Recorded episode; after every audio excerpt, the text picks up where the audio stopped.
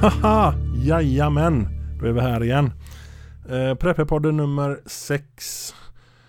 Som är kanske den mest otursförföljda Prepperpodden någonsin.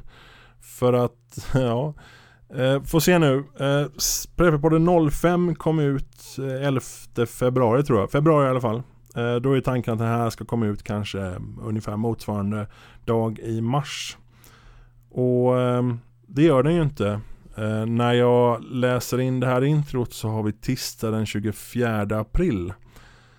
Och eh, jag vill inte lista ursäkter men jag vill lista anledningar till varför det har hänt som det har gjort.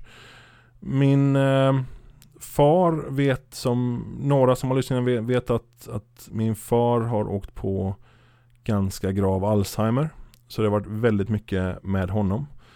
Eh, nu är han äntligen på ett hem där han får den hjälpen, den vården och den omsorgen han behöver. Verkar vara ett riktigt, riktigt bra ställe.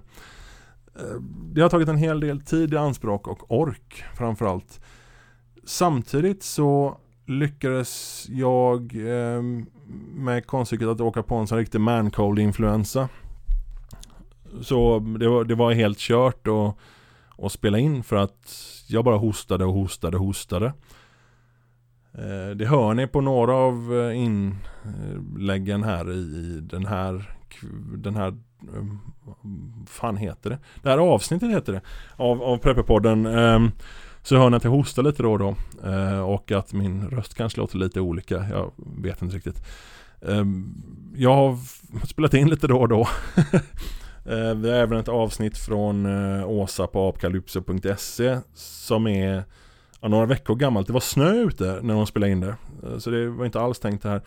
När eh, jag blev frisk så ehm, fick jag ett samtal från min kära mor som befann sig just då i Berlin. Hon hade varit på Mallorca på en kickoff med jobbet och eh, samma kväll som hon kom till Berlin hade hon blivit jätte, jättesjuk. Så hon hade åkt på någon var infektion på stämbanden och eh, hade krupit ner i lungorna och haft sig. Och, så hon låg helt utslagen en vecka på ett hotellrum i Berlin. och eh, snäll som jag är så tog jag bilen och körde ner till Berlin och hämtade henne. En nätt liten resa eh, på ett par dagar. När jag kom hem därifrån så, eh, ja då började jag hosta igen. Eh, och det är ju alltid trevligt. När eh, det hade gått två dagar efter att jag var frisk, jag var helt lycklig, jag skulle sätta mig och spela in eh, lite mer grejer till den här, det här avsnittet. Eh, då blev jag matförgiftad på lunchrestaurangen där jag eh, har en av mina kunder. Eh, och jag blev liggande i veckan. Jag, jag, är lite dålig på det här med, med att bli, att bli kräksjuk. Så jag blev liggande en vecka. Eh, och ehm, ja, för att då göra det ännu bättre så Precis då så när jag var, var frisk igen så var det här min far som jag nämnde innan då, och flyttade över honom till, till hemmet och sådär. Och alla turer kring det. Så nu sitter man här två månader försenad. Eh, blir det väl va? Nej förlåt. Eh, en och en halv månad försenad. Men eh, oroa er inte. Det här blir ändå ett jättekonstigt avsnitt av Prepperpodden. Eh, det är väl så att det sista som hände var att två dagar innan jag skulle ha en intervju som var bokad så fick personen rätt allvarliga förhinder. Eh, förhinder, förhinder, jag vet inte. Kunde inte intervjuas i alla fall för ehm, det, blev, det sket sig. Och ehm, det blir alltså, det här blir en, en, en Prepperpodden kanske lite kortare och den är helt utan någon som helst intervju. Spännande va? Eh, nästa Prepperpodden eh, tror jag ska bli en intervju eh, som, som ni allihopa har sett fram emot. Eh, jag håller på att ordna det sista nu i dagarna och eh, ni som eh, är betalande stödjare på Patreon det är patreon.com eh, slash prepperpodden. Det är p-a-t-r-e-o-n.com slash prepperpodden. Ni kommer eh, få se lite från den eh, kommande intervjun som jag tänkte slänga upp på, på YouTube. Um, och um, sen kommer vi även ha eh, ganska så snart. Eh, jag, är, jag, är dålig på det här med, med datum och sådär. Men typ två, två och en halv vecka någonting tror jag det är. Kristi himmelfärd. Eh, och då ska vi eh, hem till herr och fru Pare Prepp. På en, eh, en, en, eh, en eh, preppeträff, en prep-up. En, det blir en Peep-up 18. Och det ser jag fram emot väldigt mycket. Ni som läser min blogg eh, har ju sett mitt, mitt recept på en chili con carne och den kommer jag laga där. Eh, så det, det, kan bli kul. Eh, jag ska se till att inte matförgifta för många. eh, ja, så eh, det här blir ett lite annorlunda avsnitt och det är jättesent. Jag ber så mycket om ursäkt för det. Särskilt som vi fått eh, tre stycken som har bidragit med pengar via Swish mer eller mindre precis efter förra avsnittet och sen så dröjer det skitlänge så jag ber så mycket om ursäkt till er tre men eh, ni ska veta att ni har betalt en eh, resa och en hotellövernattning för nästa intervju. Och eh, för det är jag ert otroligt tacksam. Det är, det är väldigt kul att man kan göra det här utan att belasta ens ekonomi så.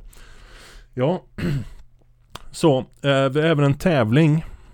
Och eh, för en gångs skull så tänkte jag utlysa tävlingen. Nej, vi har faktiskt två tävlingar. Eh, Jag tänkte att eftersom det har gått så lång tid så måste man liksom Ta upp det här eh, igen. Ehm, vi har två tävlingar Vi har eh, våra vänner på krisek.se Det är krisek med Q på slutet eh, .se Som eh, lottar ut en eh, fällkniv, alltså en, en sån här, vad heter det, schweizisk armékniv ungefär. Ehm, jag kommer lägga ut länkar till den. Eh, det ni behöver göra för att eh, tävla i den det är helt enkelt bara att mejla till preppepodden gmail.com eller skicka ett DM på Twitter. Där ni säger att jag vill vara med och tävla. Eller liknande fras som innebär ungefär samma sak. Det är inte svårare än så. Och eh, ta en titt på den lilla kniven. Det kan vara väldigt, väldigt check att ha med sig. Den såg väldigt trevlig ut när jag tittade på den för mm, två månader sedan. ja, det kommer en länk till den. Eh, så DM på Twitter till Prepperpodden eller till e-, e-post till prepperpodden.gmail.com där ni skriver att ni vill vara med och tävla. Ni som tävlar där behöver inte ge mig er adress. Eh, ni går helt enkelt in och eh, ni får en, en eh, i vanlig ordning så får ni en, en eh, rabattkod som gäller för produkten och frakten. Och så får ni hemskickat. Så kriser.se kommer att ha ert riktiga namn och jag kommer att lägga ut ert, att ni, ert nick på Twitter eller var ni nu skriver någonstans har vunnit. Men den andra tävlingen då? Ja, det, det är alldeles för få människor som eh, som sparar på silvermynt. Och då tänkte jag eftersom min kära vän och prepperkollega Urvaken faktiskt fick mig att börja spara genom att skänka ett mynt till mig. Så tänkte jag så här att det är någon som ska få ett eh, silvermynt av mig. Jag vet inte exakt vilket det blir. Det blir någonting jag har liggande. Eh, det kan bli amerikanskt eh, Liberty Coin, det kan bli Eh, eh österrikiska vinfilharmonikerna. Det, det blir någon, någon, ett mynt från någon, någon bra eh, myntställe. Och då kommer jag behöva ditt namn och adress. Eh, men självklart så din uppsäck är säker med mig. Är det så att du hellre vill träffas eh, och få det i handen så går det alldeles utmärkt om du befinner dig på västkusten och jag är där också. För att eh, tävla om myntet så gör du inte helt otippat så här att du skickar ett DM på Twitter eller ett mail till prepperpodden.gmail.com där du säger att jag vill tävla om myntet. Eh, vill du tävla i både Krisex eh, knivtävling och eh, mynttävlingen så går det alldeles utmärkt att skriva det i samma, i samma mail. Och ehm, ja, jag tror att du är kapabel att, att få fram informationen som behövs. Som sagt, eh, Patreon.com slash prepperpodden. Det är p-a-t-r-e-o-n.com slash prepperpodden jag tycker helt enkelt att ni ska gå in där och sponsra nu. Det räcker med en dollar. Det, det, du får den här varma sköna känslan i bröstet av att du stödjer ett frihetligt alternativ som, som Prepperpodden är. Och vi är ganska nära, jag tror senast jag kollade så var det 83 dollar tror jag per avsnitt. Och eh, när det är 100 dollar så ska vi försöka trycka igång så det är ett avsnitt varannan vecka. Eh, det blir någon form av sommaruppehåll. Ehm, det blir lite olika eh, typer av eh, jag försöker fortfarande komma på vinnande koncept. Vi vet att det är väldigt bra med, med konceptet med um, en intervju där vi sitter och har liksom ett samtal mer eller mindre. Istället för att liksom stå och skrika frågor till någon. Det är ett rätt, rätt bra koncept. Det är väldigt, väldigt omtyckt. Eh, och det brukar vara trevligt för att det, det är avslappnat och sådär. Um, och um, det här blir lite annorlunda. Det här avsnittet. Men um, det, det är smällar man får ta. Uh, vi kommer köra ett avsnitt där herr Pare Prepp intervjuar mig. Uh, vi kommer uh, köra mer Åsa.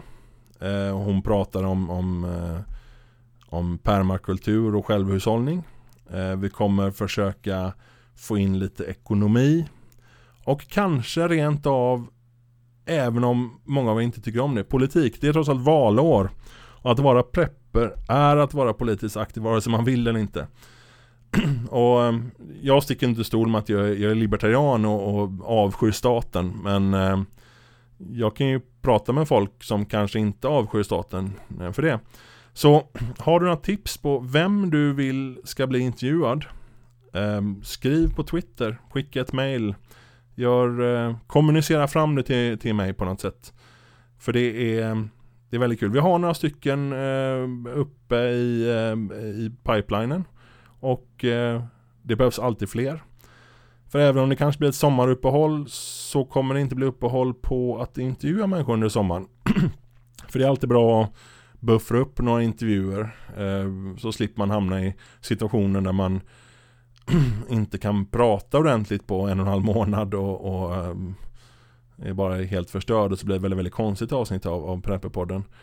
Så Patreon.com slash Prepperpodden. Se till att få upp oss över 100 dollar per avsnitt. Eh, då kan vi åka mer på ställen. Vi kan eh, slänga in fler grejer. Vi kan, vi kan göra roligare Prepperpodden. Helt enkelt. Alla pengarna går direkt till min ficka. Nej, eller de, de gör ju faktiskt det. Men, men eh, jag använder pengarna till att eh, bunkra diesel. Jag kör diesel numera, inte bensin, så det är bra. Um, för att kunna åka till olika ställen och även betala då eh, hotellövernattningar när det behövs. Så um, det blir lite annorlunda nu och eh, jag tycker att vi, vi, vi kör helt enkelt så ser vi var vi hamnar. Glöm inte att tävla. Eh, du kan vinna en kniv från Krisek och eh, du kan vinna ett silvermynt från mig.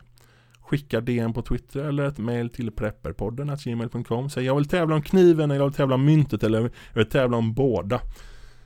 det är jättevälkommet. Vi ska ösa lite grejer på er lyssnare för ösa är bra. Vi kör igång helt enkelt.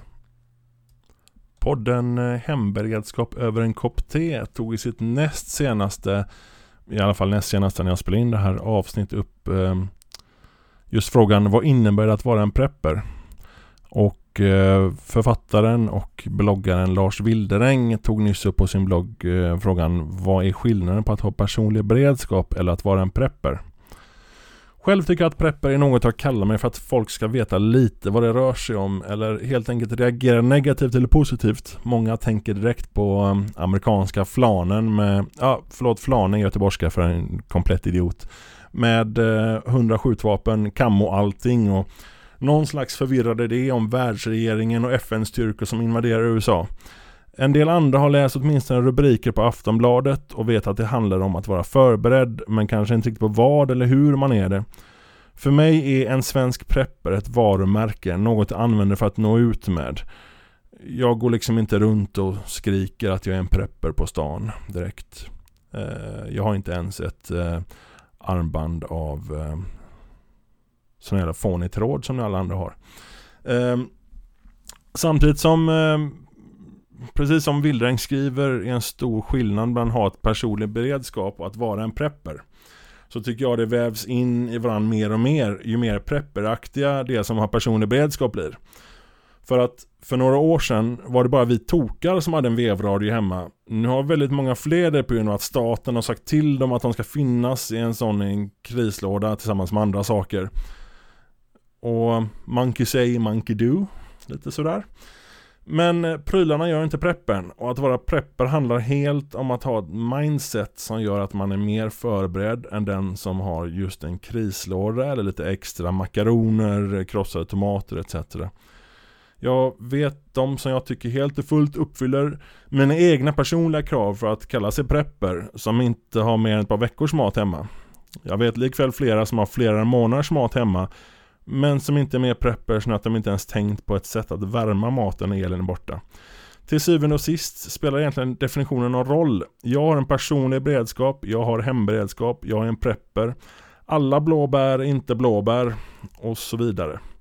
Jag såg faktiskt till att fråga eh, alla mina vänner i, i den här eh, ja, den omdiskuterade svenska prepperrörelsen och eh, mitt i alla eh, patriarkala klanfantasier så fick jag de här svaren på vad det innebär att vara en prepper.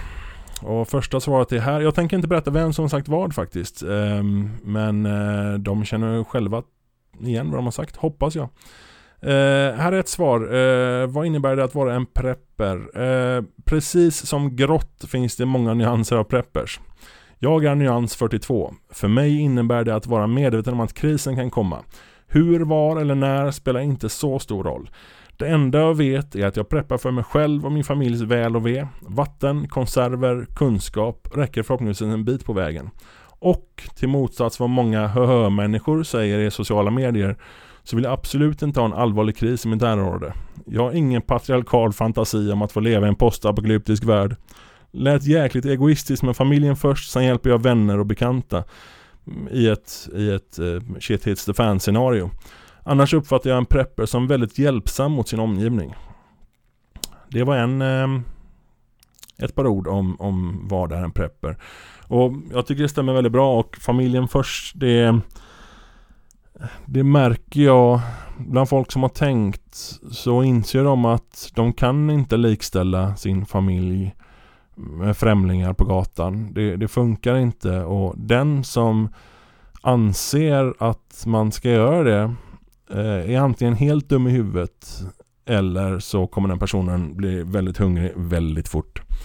Eh, nästa lite kortare text här är vad innebär att vara en prepper? Eh, står att vara prepper för mig innebär att man på egen hand skaffar en försäkring för sina mest grundläggande behov. Samtidigt som man inser att vi inte kan ta självklarheter som fred, vaccin och potatis för givet.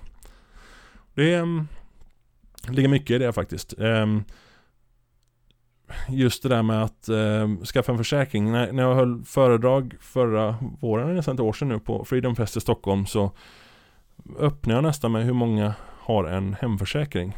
Och det var rätt många som räckte upp handen, i stort sett alla förutom de som kanske fortfarande eh, bodde med föräldrarna. Eh, och det blir rätt roligt när de skaffar en försäkring men eh, inte har mat ens för ett par dagar. Alltså inte ens sådär sämre än, än, än, butikerna. Och då, då har man inte riktigt tänkt. Tycker jag då. Eh, man får ju tyvärr berätta det att, att trots att jag sitter här och har massa åsikter så måste jag lite då och då flika in att tycker jag. Eftersom det, folk förstår inte att det är åsikter jag har. Eh, jag presenterar sällan fakta här. Jag presenterar väldigt mycket åsikter i den här podden. Fakta är att du behöver vatten. Åsikt är att det är jävligt dumt att inte ha vatten hemma. Nästa då eh, som är eh, Vad innebär det att vara en prepper? Så har vi lite längre text jag ser att världen vi lever i är väldigt sårbar. Det krävs inte mycket för att saker ska gå väldigt åt skogen och även att det tyvärr gör det. Gång på gång påvisas det om naturkatastrofer, krig, svält, mänskliga eller personliga olyckor och andra otrevligheter och att vi är dåligt rustade att hantera situationer som är nya för oss. Om man till exempel trillar i sjön så är det lite för sent att springa iväg och köpa en flytväst just då. Har man ingen så får man helt enkelt göra vad man kan med det man har. Men det hade givetvis varit bättre om man haft en flytväst. Det kan ju till och med rädda ens liv. Samma gäller givetvis kunskaper. När man är väl i situationen så är det för sent att försöka tänka igenom det. Antingen så är man förberedd eller så är man inte det. Om man går igenom isen och ingen annan är i närheten, även om man klarar av att ta sig upp, har man inte möjlighet att byta kläder och bli varm. Så chanserna är rätt låga att man överlever. Men har man rätt kunskap, det vill säga man vet hur man ska ta sig upp på isen, rätt utrustning, det vill säga isdubbar, torra kläder och varm dryck och lite tur så har man goda chanser att överleva utan större skador än ett sårat ego. Samma gäller större problem oavsett det är en människa som orsakat dem eller en naturkatastrof. Kunskap, rätt utrustning och lite tur gör att man kan komma ur situationen. Prepping är helt enkelt bara insikten om att vi är sårbara och det sunda förnuftet att försöka minska sårbarheten, att underlätta en situation. ja, ursäkta mig, jag är fortfarande lite kass i halsen. Så, eh, ja, det här med att hamna under isen, eh, gå ner sig i vattnet där, det är en väldigt bra liknelse det också. Eh, det är rätt dumt att gå ut på isen utan isdubbar. Och likaså är det dumt att inte ha vatten hemma när man som människa är beroende av vatten. Eh, för ett par midsommar sen så eh, när preppen kom upp på, på vid bordet där när folk var lite fulla och glada så var det någon som undrade men, men varför har du vattendunkar hemma? Kan du inte ta kranvatten? Och um, ja, jag, jag, jag, jag blev så stum så att jag, jag visste inte riktigt vad jag skulle svara faktiskt om jag är ärlig. ja. Eh, en del människor är mm, lite mer ofärdiga än andra. Så enkelt är det. Ännu en text på, eh, på vad det innebär att vara en prepper. Eh, eftersom jag varit prepper så pass länge nu så är det en så integrerad del av livet att jag inte längre kan svara på vad det innebär. Eftersom det innebär att vara den jag är. Att vara nyfiken på att lära sig nya saker, att tänka i oortodoxa banor, våga prova saker och våga misslyckas. Att se på livet som något som är värdefullt och värt att göra det man kan för att få leva det till fullo.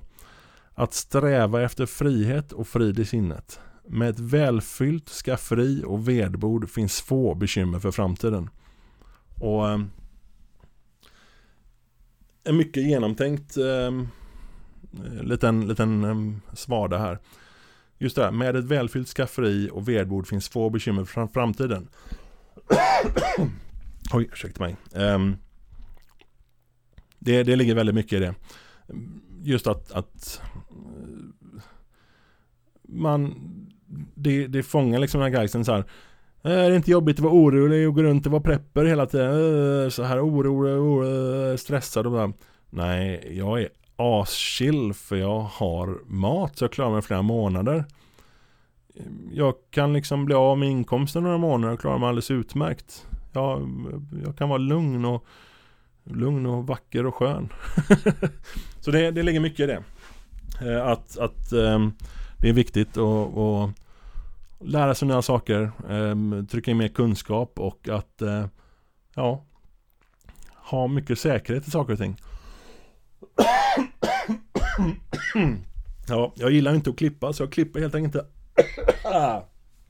Jag klipper helt enkelt inte bort eh, hostandet ni får stå ut med det här. För eh, det här är inte en Stockholmspodd, det här är på riktigt. Mm. Så, eh, vad innebär att vara en prepper? Ännu en text. Eh, för mig är betydelsen prepper ett par stora saker. Ett, att jag på både lång och kort sikt vill göra mig oberoende av staten. Jag litar helt enkelt inte på att dessa godhetsknarkande politiker som ljuger skjortan av sig i det offentliga men som har en dold agenda. Du är inte en individ, du är endast en kassamaskin åt staten. Så länge skatten trillar in så är allt frid och fröjd, men när man verkligen behöver hjälp, ja då lär den inte dyka upp i brådrasket. Du är helt enkelt en belastning och helst av allt skulle staten slash politikerna vilja se dig som död. Tunga ord det där. Och för att eh, också kunna klara mig själv eh, och då gäller det på egen hand eh, preppa eller förbereda sig. Både i det korta och det långa loppet. Oavsett hur stora förråd du har så lär du behöva kunskaper i självförsörjning, typ odling, jakt och sådant för att kunna överleva under en längre tid. Det är där jag är någonstans. Insupa kunskaper från, från prepper som varit med lite längre. Preppar för att överleva utan assistans från någon myndighet. De kommer att svika medborgarna om det blir riktigt, riktigt allvarligt. Mm. Där håller jag absolut med. Det är, det är faktiskt, um, ja, det, det, är inte alls roligt det där när man inser hur lite beredskap det finns. Jag upprepar det här, civila beredskapen eh, kan täcka en liten stadsdel i en större stad i eh, ett par dagar med lite tur. Civila beredskapen i Sverige kan göra det. Förutsatt att den kommer fram om det inte råkar vara krig eller det brinner någonstans eller det finns någon glad människa i grupp som, eh, glada människor i grupp som, som kastar stenar på allt som kommer fram och försöker göra saker. Eh, plundringar, brinnande bilar, etc. etc.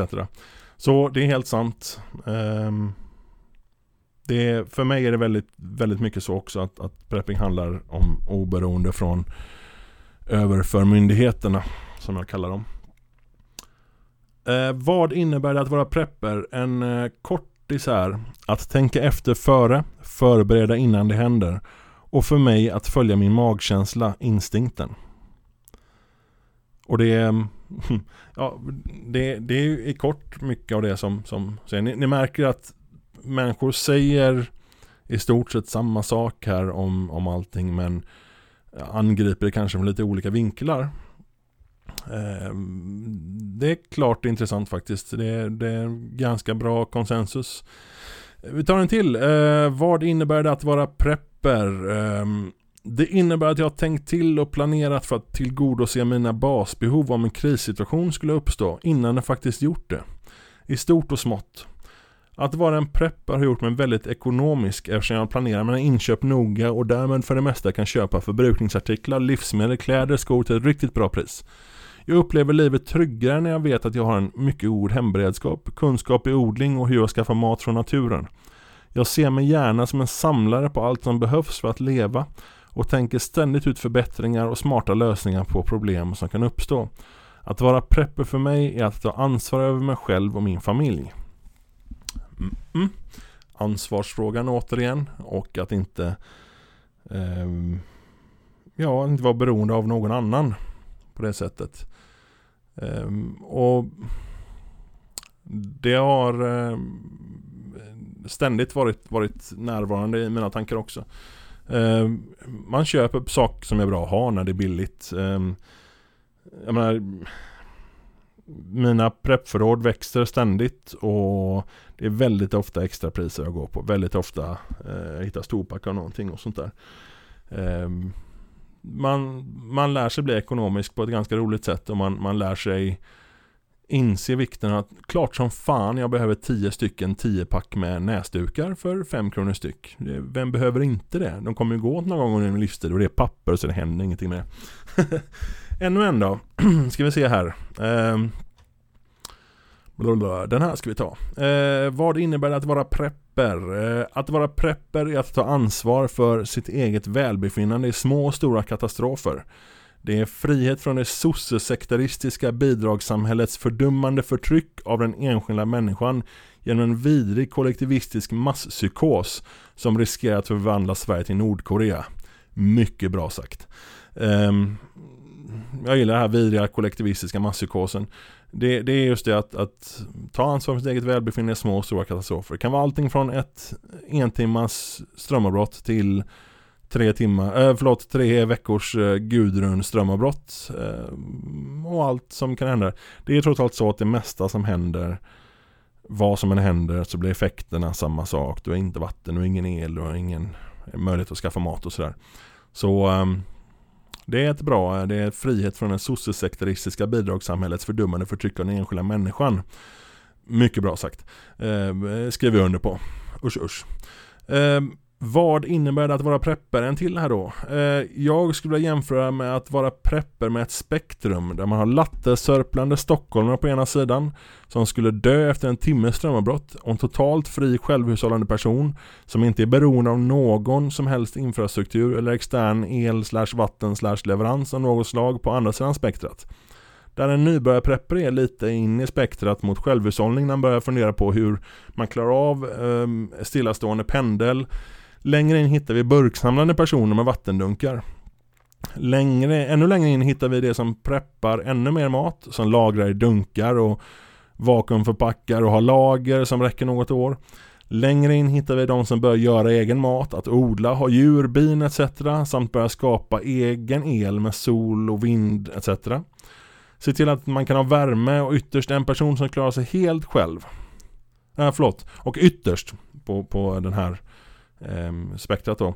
En person som klarar sig helt själv, inte ens har ett jobb kanske, som täcker upp alla behov han hon har.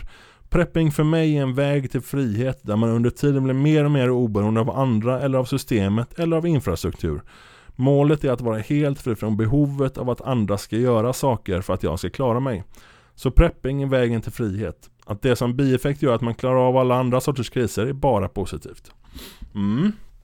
Där eh, håller jag med återigen. Jag håller självklart med alla. Det här är bra människor allihop.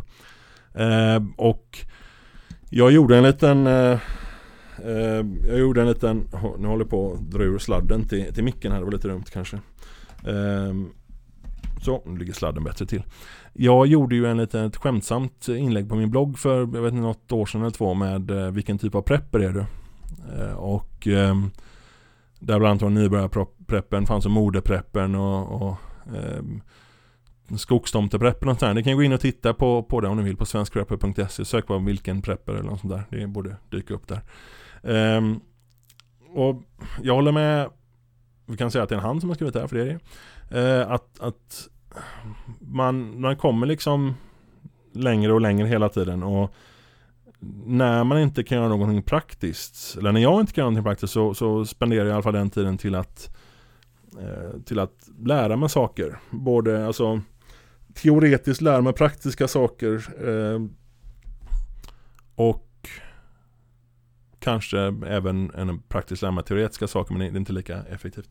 Eh, för kunskap är den bästa preppen och, och om man, om man bara liksom får till om man får till eh, bra kunsk grundkunskap i någonting så blir det mycket enklare att, att, att ja, att, att ta hand om det. Som när jag var träffade en vän och, som har höns och han för första gången skulle eh, göra sig av med en tupp.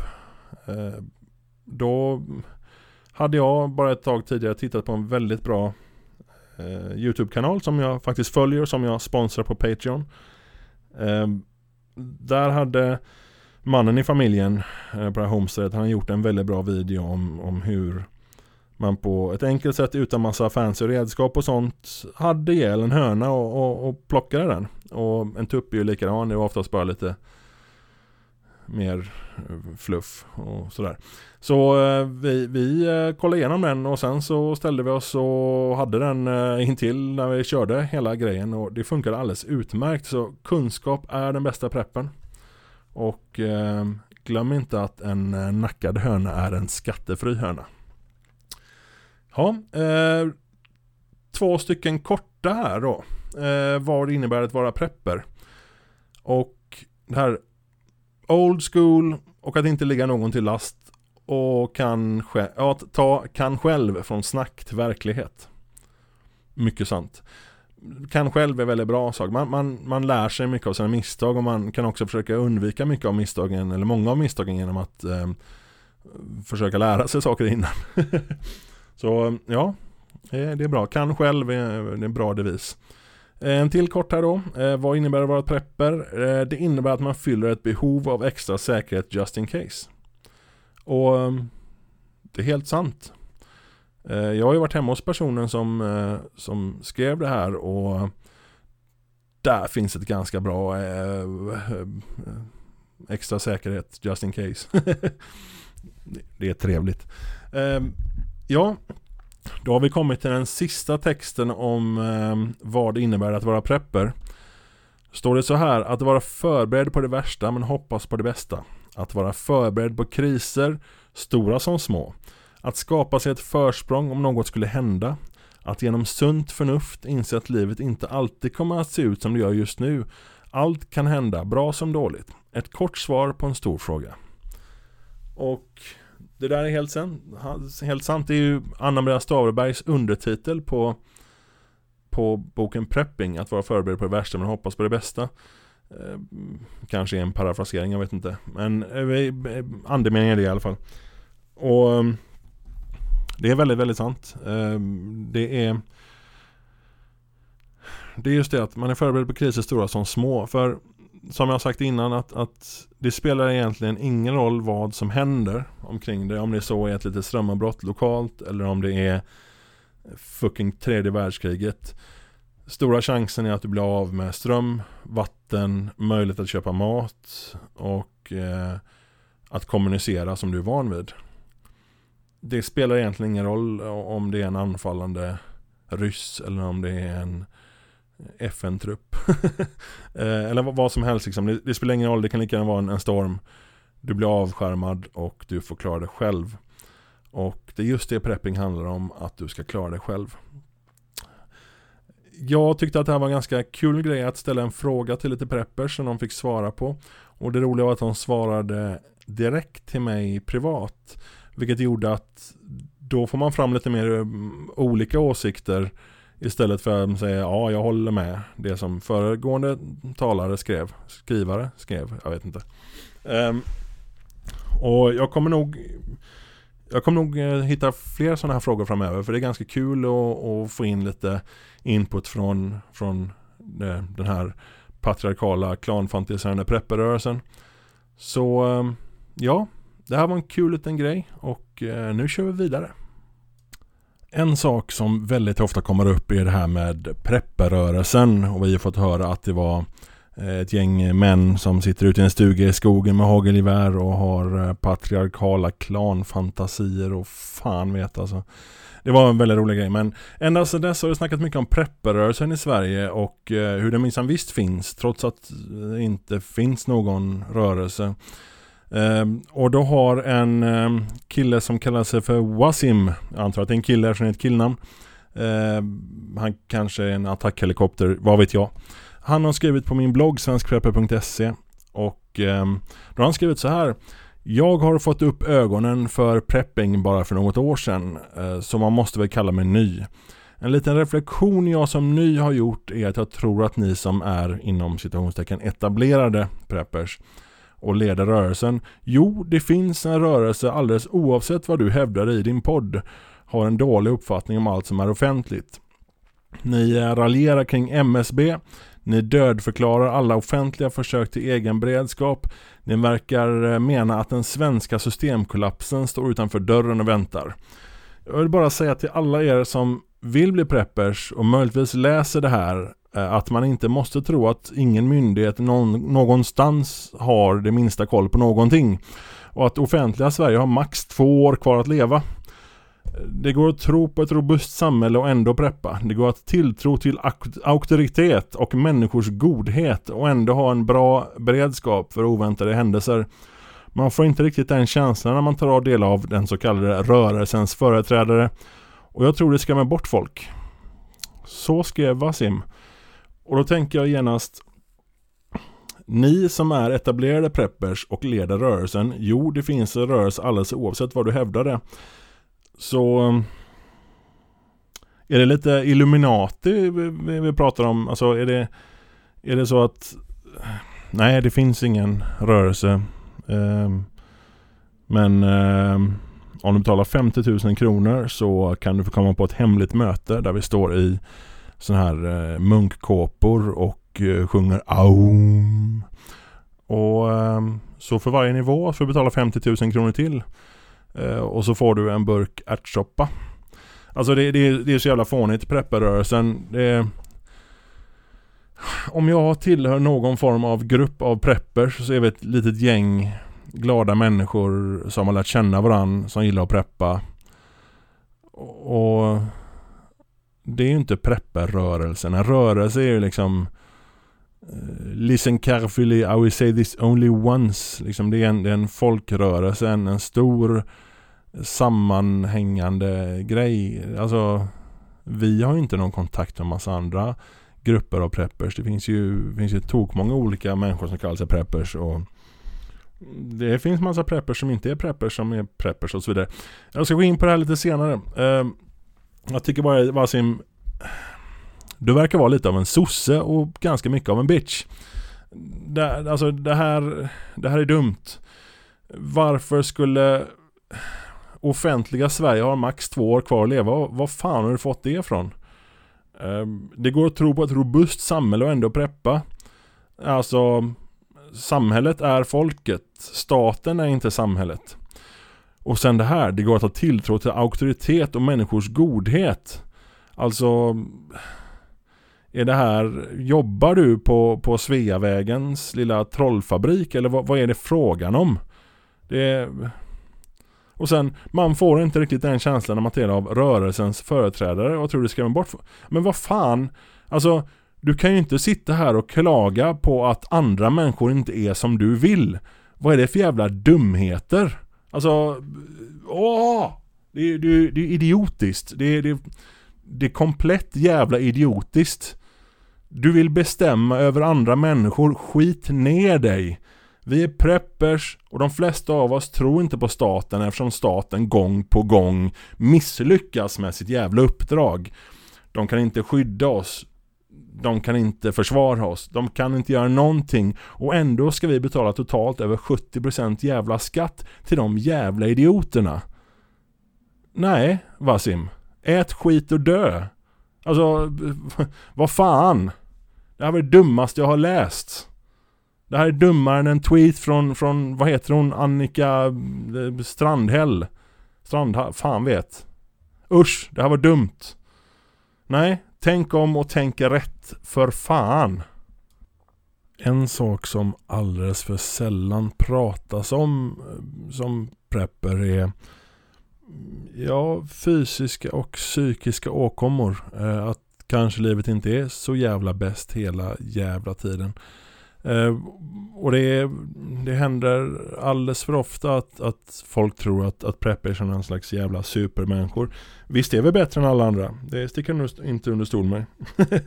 Men eh, ja, för er som har läst eh, min som följer min blogg så har ni läst kanske inlägget tjock, lat och jävligt omotiverad.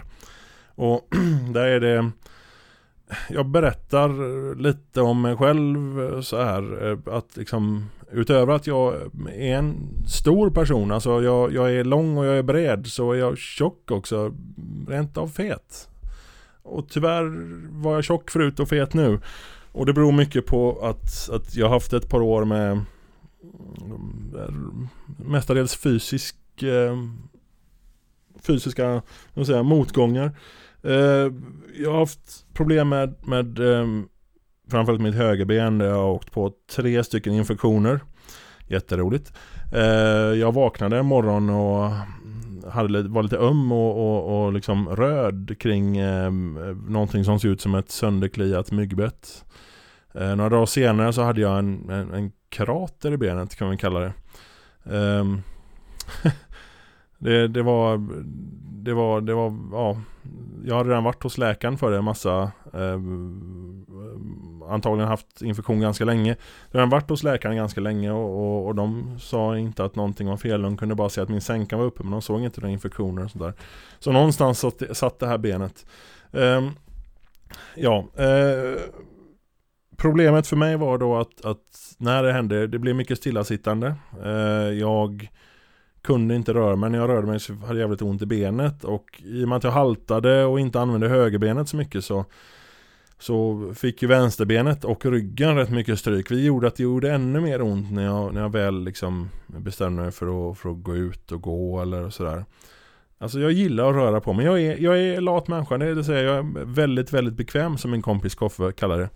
Um, men jag gillar att röra på mig lite grann i alla fall. Jag gillar att promenera, jag gillar att gå ut och gå, få frisk luft. Älskar att cykla.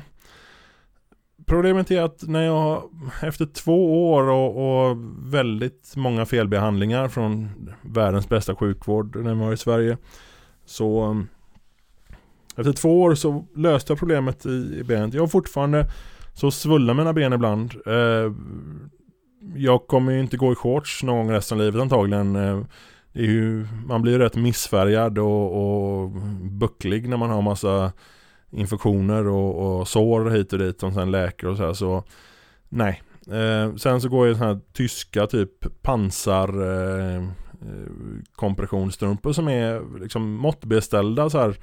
De är, de är måttade på, på massa eh, olika ställen.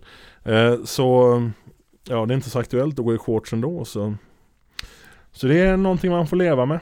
Men det är okej okay, jag har eh, van för jag har psoriasis så Eh, van att man inte kan gå omkring eh, och visa skinn hur som helst. Så det är ingen fara och vem fan vill se det ändå egentligen.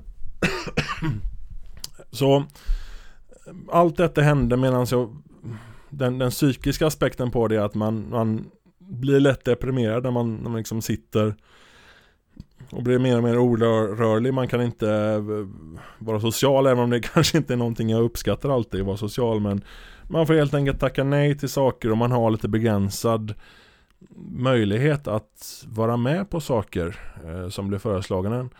Eh, som tur är så omger jag mig med väldigt bra människor. Eh, som, och flera av dem är ju sjukvårdsutbildade som förstår vilket djävulskt helvete jag har gått igenom. Sen har du det här med att eh, ja, man, man, man, får lite stryk i huvudet av att vara så orörlig. När jag väl var klar då med, med, efter två år med, med benet så Ja, då eh, en morgon så satt jag igång och började spy helt galet och sådär. Och, och, då känner jag shit, det är frossa och det är, jag spyr och så vidare. Så en infektion i kroppen igen och jag bara tänkte nej, inte benet igen, inte benet igen, inte benet igen. Men nej då, det var rumpan. Så eh, ena skinkan eh, ja, det ser ut som jag hette Kardashian i efternamn eller J.Lo eller så. Eh, och den, den fick för sig att, att bara svullna upp. Och där hade en rätt rejäl infektion som eh, hittade ut själv så att säga. Den, den tore me a new one. Det, det var inte alls trevligt. Och eh, det luktade som kött och grönsakssoppa. Inte alls trevligt med andra ord att äta sån nu för tiden.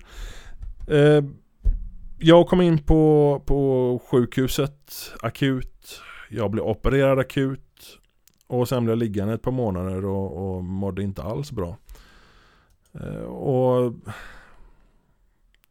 ja, då blev jag ännu mer stilla liggande till och med. Jag vet inte ens stilla sittande utan stilla liggande. Och då gick jag upp mer i vikt, blev mindre rörlig och ja. Summa summarum, jag, jag lackade ur på det här till slut och tyckte att nej men det här, det här funkar inte, jag måste göra någonting åt det. Eh, jag är över 40 nu och det blir svårare och svårare varje år. Liksom bara problemet att vara, vara rejält överviktig är ett problem. Det behöver inte vara ett problem men det minskar min rörlighet och det minskar liksom ja, mycket i mitt liv. Det, det är ett stort hinder. Och det vill jag inte ha. Så jag började träna. Det finns en väldigt bra rehabställe här i stan som eh, där jag hittade en väldigt bra eh, sjukgymnast heter det.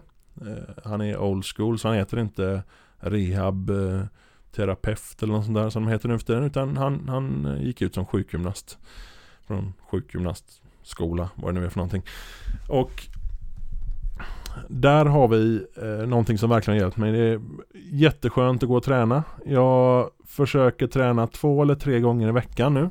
Eh, och det går väldigt bra. Det är väldigt befriande för jag har fått övningar som funkar för mig med mina förutsättningar. Och det är skönt att bli helt jävla slut. Jag kan som ni förstår på grund av det här eh, då eh, infektionen jag hade i ena skinkan så jag får inte sitta på en cykel i år heller. Det, det kommer liksom inte, det funkar inte. Om jag gör det så ser det ut som jag har öppnat pizzeria sen. Eh, det, tyvärr alltså, jag, jag älskar att cykla. Eh, så jag, jag, får, jag får gå helt enkelt, jag får promenera mer. Eh, jag, ehm, så jag, går där på gymmet och gör mina övningar och Fördelen är att i och med att jag väger så pass mycket och liksom har så pass mycket muskler för att kunna flytta runt på mig själv så kan jag använda ganska mycket av min kroppsvikt i övningarna vilket är trevligt för då, då får man extra mycket stryk. Eh, och då blir man lite masochistisk när man, när man liksom får, får hålla på och träna sönder kroppen. det, det, har hjälpt mig jättemycket och det, det blir lättare och lättare för mig att, att promenera och sånt där. Under allt det här så, jag flyttade tillbaka till Sverige för, eh, vad blir det nu, fyra år sedan. Eh, faktiskt i dagarna här i april någon gång, 2014. Och eh, jag gjorde det, jag var helt utbränd, jag var, jag var icke-fungerande, jag hade panikångestattacker hela tiden. Jag klarade inte av att bo i Amsterdam och Holland överlag för att det är så jävla mycket folk där. Det är aldrig tyst, det finns inga ställen du kan vara i fred. Du kan liksom inte hitta någon natur för det finns ingen för att det är en gammal grop i en sjö, i ett träsk, i en, under en sten typ. Det är, mm, de har ju byggt några fina parker och sådär men det är en massa äckliga turister där. Så vill man liksom vara i fred och ha riktig natur och så här får man åka till Tyskland och det är inte riktigt optimalt att liksom ta sig till Tyskland varje gång man vill vara i fred. Det kombinerat med att det var, det var, det var skit på, på jobbet.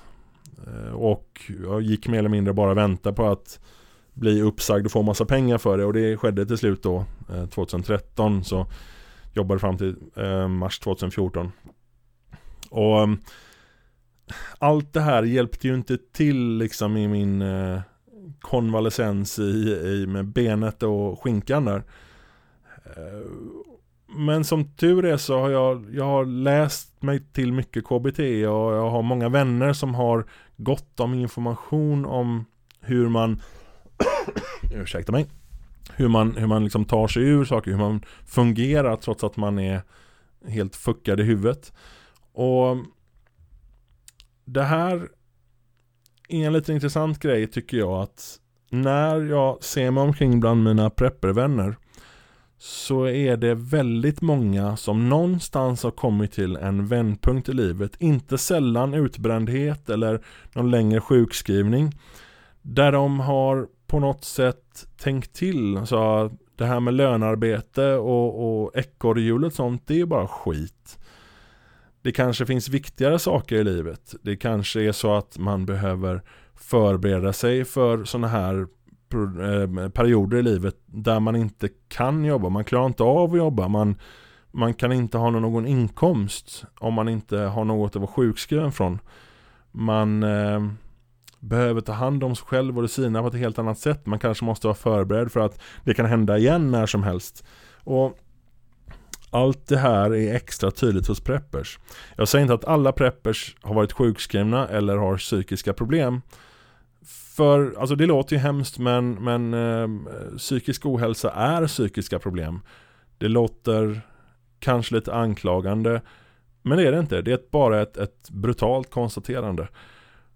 Och ja, jag tror att Någonstans blir man en bättre människa av att ha fått den här smällen i ansiktet, den här spaden rätt över näsan. Blodet sprutar och ja, man säger hej väggen. Och det är på något sätt så så fortsätter det följa med en i tankarna. För det är ju så att om du har blivit utbränd eller fått utmattningssyndrom som det heter. Jag tycker en så här exploderad borde det heta. För man, man, man exploderar och så finns det bara aska kvar och så undrar man vad fan som hände och hur man ska fungera. Så har det, har det hänt än så tror jag att man på något sätt man, man tänker till på ett annat sätt. Man få med sig det här tänket hela tiden. Det är ju bra jävla dumt att gå rätt tillbaka till det som gjorde att man blev utbränd förra gången. Om man gör det så är det ju som att be om att det ska hända igen. Och händer det igen så blir det mycket värre. Av samma saker egentligen. För varje gång du smäller före med pannbenet rätt in i väggen så blir det värre och värre. Ju längre du väntar med att ta tag i det, ju värre blir det. Och allt det här, det håller liksom inte att, att, att fortsätta. Man måste tänka om, man måste skaffa sig helt enkelt en annan inriktning på livet. Så jag, jag tycker inte så konstigt att, att många Många som kallar sig preppers, många som håller på med prepping Eller bara överlag Ehm, Gröna vågen 2.0, man flyttar ut på landet och så här. Kanske inte man är en hipster men då har man tänkt till att man Man kanske vill göra någonting på riktigt istället för att bara göra reklam och webbsidor. Det har jag också skrivit om i min blogg tidigare. Och, och det är just det att, att Det håller liksom inte att fortsätta som jag gjorde innan. Och det är väldigt viktigt att komma ihåg det. Och det är väldigt viktigt och ta lärdomar från andra människor som har varit i samma situation. Och vill du läsa mer om eh, hela min situation med just det här med, med eh, mitt ben och vill, du, vill du läsa mer om mitt ben och min rumpa? Eh, du, du kan läsa mer på min blogg svenskprepper.se inlägget eh, tjocklat och jävligt omotiverad. Jag tror det för tillfället är det näst senaste eh, inlägget.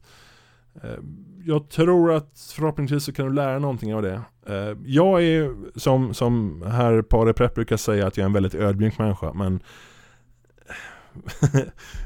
jag är det ibland även om jag kanske är stor i, nej inte kanske jag är stor i käften i övrigt. Det, för mig var det en ganska stor grej att skriva det här. Eh, att skämta bort att man är en tjockis. Har, har man gjort hela livet. Haha, jag är tjock. Na, na, na, na. Kul, kul. Men att eh, inse för sig själv framför en spegel att du är jävligt tjock och det är ett stort problem. Det är någonting som man faktiskt inte så lätt gör. Och det gäller väl inte bara om man är överviktig utan det gäller egentligen allting som inte är bra för en. Och återigen, jag säger inte att det är dåligt att vara överviktig. Men det är fan inte bra. Framförallt när man är rejält överviktig. Det, det blir förslitningsskador hit och dit och det kan bli diabetes typ 2 och det kan bli allt möjligt skit. Så Ja, jag kanske fatshamear mig själv men skit på er, det här är min podcast. Jag bestämmer vad jag säger här. Så, är du överviktig? Har du något problem? Gör någonting åt det. Få tummen ur. Se till att du har människor omkring dig som sparkar dig i arslet. För det finns människor som helt okritiskt har sagt till mig Si och så är det och det här behöver du göra och de sparkarna i arslet är något av det finaste jag har fått. Och Läs inlägget om du har något problem som du egentligen inte vill ta tag i. Se om du får kanske tummen ur och kan ta tag i det på något sätt. För det är så att du är aldrig bättre än den människa du gör dig själv att vara. Så kan man inte säga, men ni förstod andemeningen hoppas jag. Ehm, ja, det var väl egentligen allting jag ville säga om det här.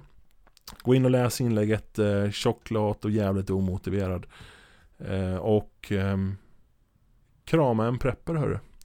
Så eh, går vi vidare härifrån. Och eh, som vi har lovat tidigare så ska ju Åsa från ehm, apkalypso.se som eh, jag intervjuade i femte avsnittet, förra avsnittet av Prepperpodden ehm, så ska hon komma med återkommande uppdateringar här lite grann vad som händer på Lilla Solkullen. Och ehm, ja, det här spelade hon in för några veckor sedan. Eh, så nej, det är inte en massa snö där ute fortfarande. Men eh, jag tänkte att hon skulle få eh, avsluta det här lite annorlunda eh, avsnittet av eh, Prepperpodden med eh, en liten uppdatering om vad som sker där ute och sådär och självklart så återkommer hon i nästa med Prepperpodd eller nästnästa vet man Hon återkommer snart i alla fall med en uppdatering om vad som händer ute på Solkullen. Eh, så ehm, här kommer ni få lyssna på hennes vänröst istället för min skitarga stämma som ni har fått höra på idag. Ehm, ja, hon kommer här. Hej och välkomna till Åsa på Solkullen. Ehm, några av er har ju träffat mig förut eftersom eh, förra avsnittet av Prepperpodden faktiskt spelades in här ute på Solkullen då en svensk prepper kom och besökte mig och kikade lite på vad jag har för setup när det gäller självhushållning, odling och så vidare. Eh, om ni är intresserade av vad jag är för en filur så kan ni gå in på apkalypso.se Det är min blogg. Och eh, som ni vet som, eh, som följer min blogg så det som är nytt sedan sist är att jag har blivit utmattningssjukskriven. Och eh, jag kan ärligt talat knappt eh, själv förstå det riktigt ännu. För att jag har alltid varit en sån där extremt energisk person som eh, har kört i 180 och eh, klarat av en massa saker och eh, det kan man ju göra ett tag. Tills man står där med näsan i väggen och blöder. Och eh, i förra avsnittet av Prepperpodden så trodde jag att jag hade en ovanligt envis influensa som hängde kvar i mig och gjorde mig trött. Men eh, det var ju själva verket min kropp som sa att nu är det nog. Eh, så att eh, strax efter att det programmet sändes så blev jag sjukskriven. Så att ganska mycket av den, det senaste, den senaste månaden har handlat om acceptans. Ehm, börja förstå att eh, lönearbetet inte är viktigast i världen. Ehm, när man är en sån som jag så eh, ja, jag identifierar problem på jobbet, eh, kommer på smarta lösningar och så vill man ju ständigt göra det bättre för alla så att alla blir glada och nöjda och kan jobba på. Och så kombinerar vi det då med att jag älskar mitt jobb. Ehm, ganska många runt omkring mig tror jag såg varningssignalerna blinka för fulla muggar långt, långt före jag gjorde det. Eh, men eh, när man är en sån person så, så vägrar man ju inse att man skulle ha några svagheter överhuvudtaget själv. Så att eh, jag körde på och plötsligt så stod jag där och kunde inte ens köra bil själv. För att hjärnan var så trött. Så att det jag har fått göra nu i relation till både prepping och självhushållning är att jag har fått försöka att sätta mig in i den aspekten av det hela.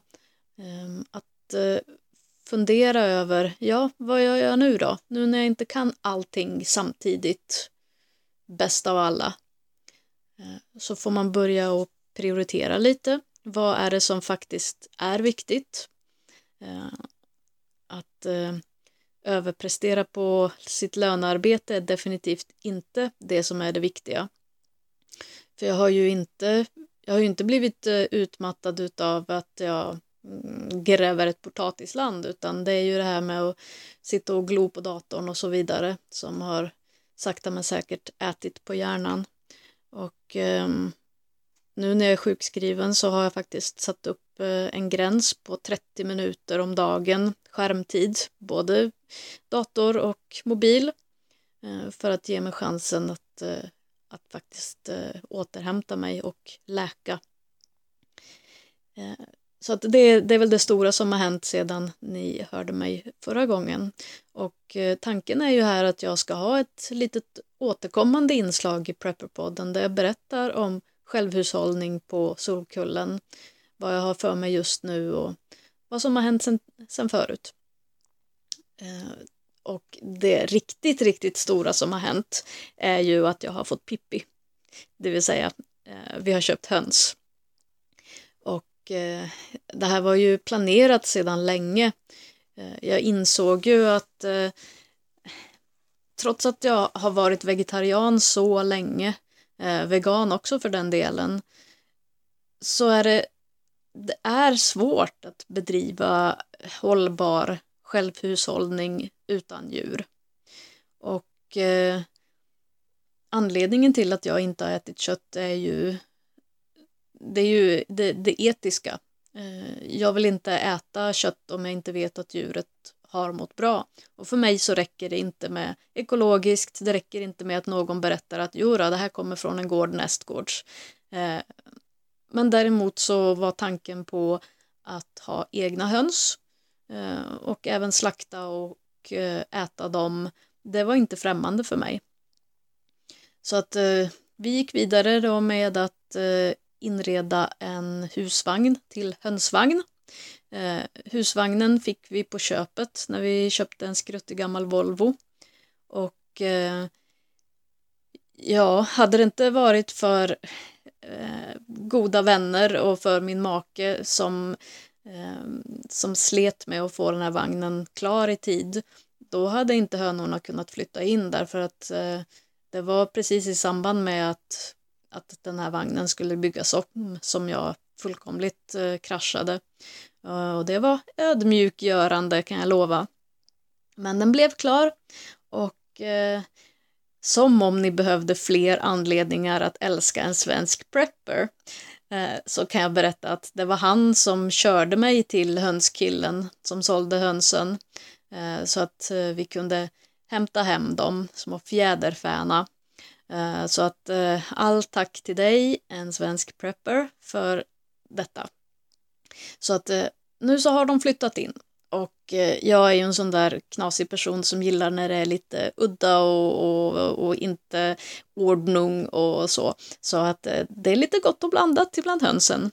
Eh, tuppen är en hedemora. Han var betahanne i sin tidigare flock.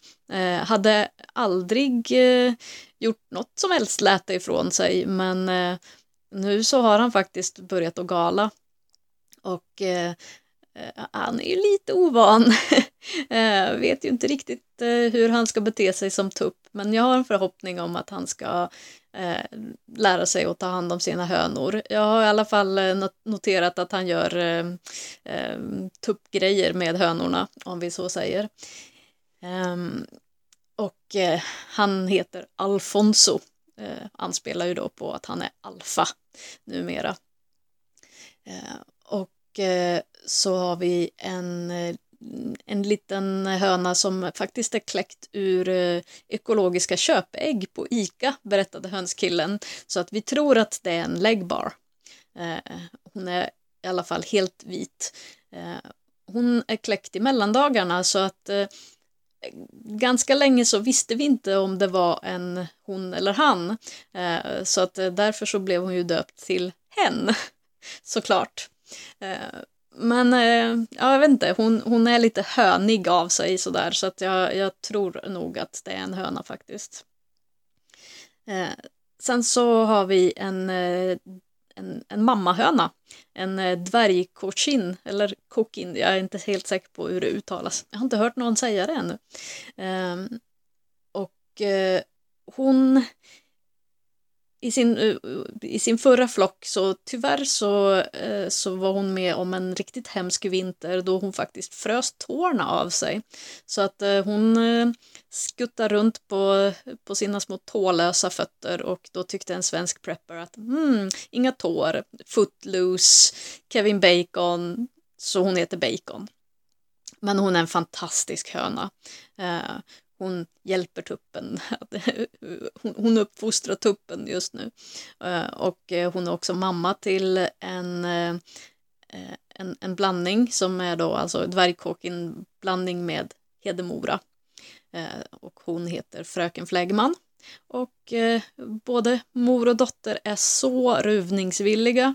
Eh, de, de ruvar både på äggen som bacon lägger, ägg och bacon, I know, eh, och och, eh, och fröken Fläggman övar just nu på ett gummiägg.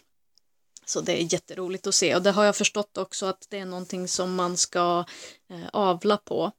Eh, ruvvillighet är någonting som, som försvinner. Ju mer folk använder sådana här ehm, ja, ruvningsmaskiner, inkubator eller vad det heter, Ehm, desto mer så tar man ju bort ruvningsinstinkten och det tycker jag är lite synd. Så att jag ska försöka uppmuntra de små damerna att, att ruva själva. Och eh, så har vi också en till svart eh, Hedemora-höna eh, som heter Donna Juanita. Sen så hade vi en till höna, eh, Cruella, eh, en Hedemora. Eh, jag trodde att jag hade läst på allt man kunde veta om höns. Men eh, jag visste inte att det fanns någonting som heter hönsförlamning, Mareks sjukdom. Eh, efter, eh, det, det, är någonting som är väldigt vanligt tydligen eh, bland privatbesättningar utav höns. Eh, man, man vaccinerar eh, industrihöns mot det men eh, gör det inte utav privathöns. Och den här sjukdomen ligger latent hos väldigt många hönor. Och eh, en anledning till att den kan bryta ut är stress. Så att eh, antagligen då så tyckte lilla hönan att det var väldigt eh, stressfullt att, eh, att flytta. Eh, så att jag trodde att hon först hade gjort illa foten eller någonting, trillat eller att tuppen var för våldsam eller någonting för att hon eh, plötsligt så kunde hon inte gå på ena benet. Så att eh, eftersom det har varit svinkallt här så byggde vi faktiskt en bur inne i vardagsrummet så att hon fick vara inomhus. Eh, och jag trodde att hon kanske skulle krya på sig. Men eh, dessvärre så började hon uppvisa konstiga symptom. Ena benet bara sträcktes helt framåt och andra benet bakåt. Och plötsligt så kunde hon inte riktigt eh, styra över vingarna och så. Så att ja, jag satte ju mig och googlade då.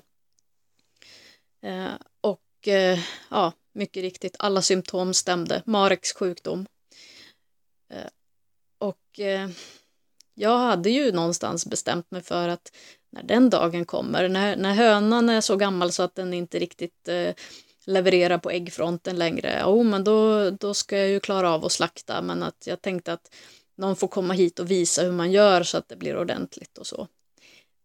Men alltså vi kunde ju inte ha kvar henne, hon led ju. En morgon så fick jag plocka upp henne ur vattenskålen för att hon bara hade tippat.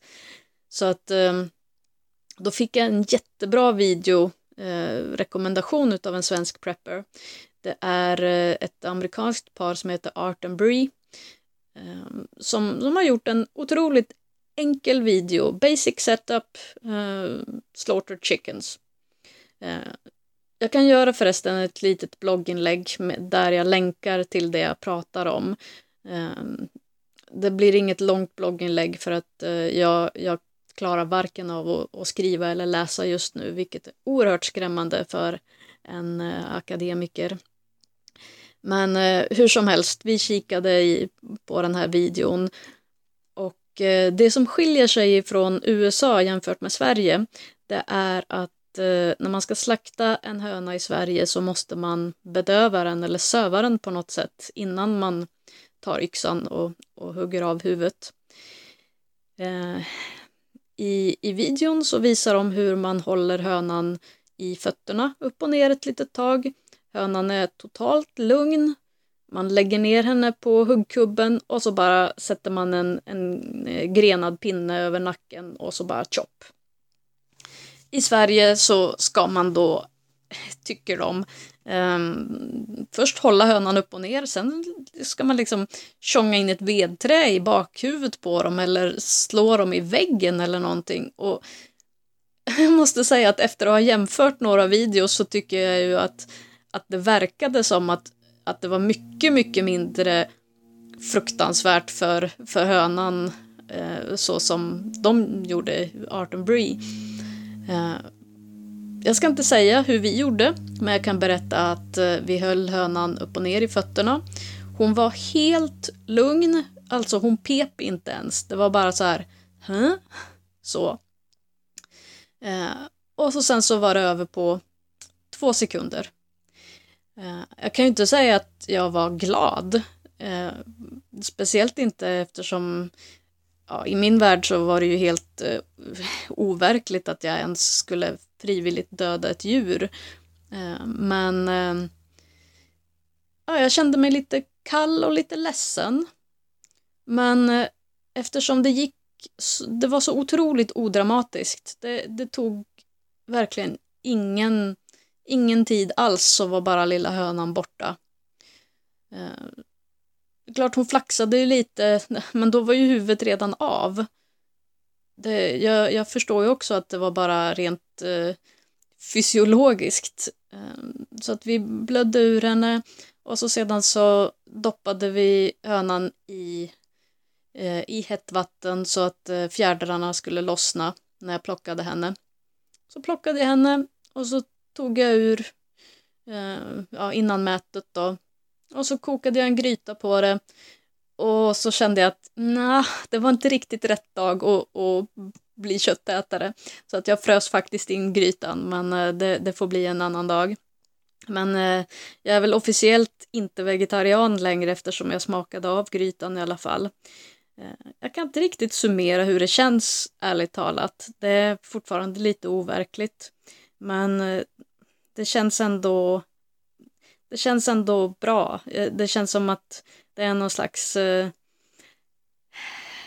ja, vad ska man säga, cirkel i naturen som sluts i alla fall. Eh, och jag vet ju att hönorna har ju det helt fantastiskt ute i hönsvagnen.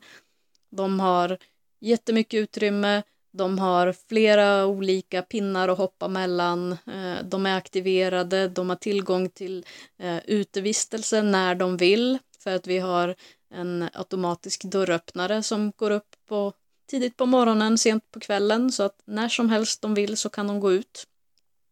Eh, vi har tak över utevistelsen så att de behöver inte vara rädda för vare sig våra katter eller rovdjur eller någonting sånt. Så jag tycker personligen att jag har gjort det bästa jag har kunnat för hönsen. Eh, sen så det andra jag har gjort är ju att brottas emot snön. Vi bor i eh, eh ja, ungefär zon 4 trots att vi bor eh, på västkusten därför att vi bor så högt. Och eh, trots att det har varit eh, plusgrader nu i några dagar Eh, dagtid eh, så ligger det ligger åtminstone ja, 20-25 centimeter hårt packad snö. Och jag råder mig med att titta lite på bilder ifrån den här tiden förra året. Jag fotar jättemycket för att jag ska kunna eh, följa upp och utvärdera ehm, min odling. Och den här tiden förra året så var det helt snöfritt. Vi hade krokus och snödroppar och jag grävde vårt potatisland. Um, det, det känns helt overkligt att det någonsin ska bli vår just nu. Jag har fått eh, en låda med eh, sättpotatis ifrån Larsviken. Eller fått och fått, jag har köpt. Eh, jag kan rekommendera Larsviken. Jättefin kvalitet på sättpotatisen. Eh, men eh, ja, dels så har jag inte något eh, potatisland att sätta ner dem i. Eh, för att jag kommer att behöva gräva ett helt nytt land. Därför att på vårt gamla potatisland. Där ska nämligen eh, hönsvagnen stå sen när snön försvinner. Ni som har sett min blogg på apkalypso.se ni vet ju att tomten är ju helt, ja den är väldigt speciell. Mycket stock och sten och kullar och backar och inte en rak vinkel så långt ögat når. Eh, och eh, plus att hela tomten var bara vildmark när vi flyttade hit. Så att, ehm, ja, någon gång så ska jag hitta ork till att, att fixa ett nytt potatisland så att jag får ner de där potatisarna någon gång här framöver. Det är inte riktigt, vi är inte riktigt där ännu så att jag, jag känner mig inte stressad men eh, jag undrar ju lite vad vad den här eh, köldknäppen och den här ganska extrema eh, omfattningen utav snö, vad den kommer att göra med odlingssäsongen genom med att, att eh, jorden var så varm och att vi var så långt gånget för ett år sedan. Det borde ju skjuta fram odlingssäsongen eh, ja, ett par veckor i alla fall kan jag tänka mig. Men eh, jag fortsätter att ta mycket bilder, anteckna så att, jag, så att jag kan utvärdera om valen jag gör är de rätta. Eh, så att jag har förodlat en del fröer. Eh, absolut inte lika mycket som förra året för jag har ingen ork. Jag får lära mig att prioritera. Förra året så hade jag oerhört mycket förodlat eh, redan vid den här tiden. Men eh, nu så får jag prioritera det som, som är viktigast att eh, få igång tidigt. Så att eh, chili och paprika och tomater är väl det som, som har kommit längst nu. Och eh, jag har även satt ganska mycket lökfröer Det hade jag stor framgång med förra året nämligen. Fick hur mycket lök som helst. Uh, det sägs att det ska vara så svårt att, att, få lök ifrån frö, men jag tyckte verkligen inte det. Och det blir ju så sjukt mycket billigare också att köpa lökfrön och, att, köpa sättlök. Um, så att det, det är väl senaste nytt från Solkullen helt enkelt. Um, höns och lite förodling och väldigt, väldigt mycket reflektion över vad som är viktigt i livet. Eh, att eh, slita ihjäl sig på, eh, på ett lönejobb hör definitivt inte till det som är viktigt i livet. Så att, ja, med de orden så tar jag och lämnar tillbaka över till en svensk prepper. Hej då!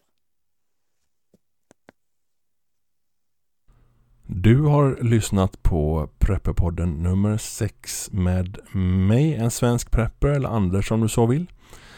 Du vet väl om att du kan stödja oss på patreon.com prepperpodden. Det är p-a-t-r-e-o-n.com prepperpodden. Du kan även swisha eller paypala eller massa andra fåniga eh, försvenskade engelska uttryck. Hör av dig om du föredrar att göra det eller skicka silvermynt till och med eller bitcoin eller allting sånt där. Hör av dig eh, på eh, eller på DM på Twitter. Där heter ju självklart Prepperpodden. Jag hoppas att trots att det var ett lite annorlunda avsnitt att du har haft väldigt, väldigt trevligt och att eh, du har en fortsatt bra dag. Puss på dig och eh, glöm inte att eh, tuta på alla idiotjävlar i trafiken. Puss puss!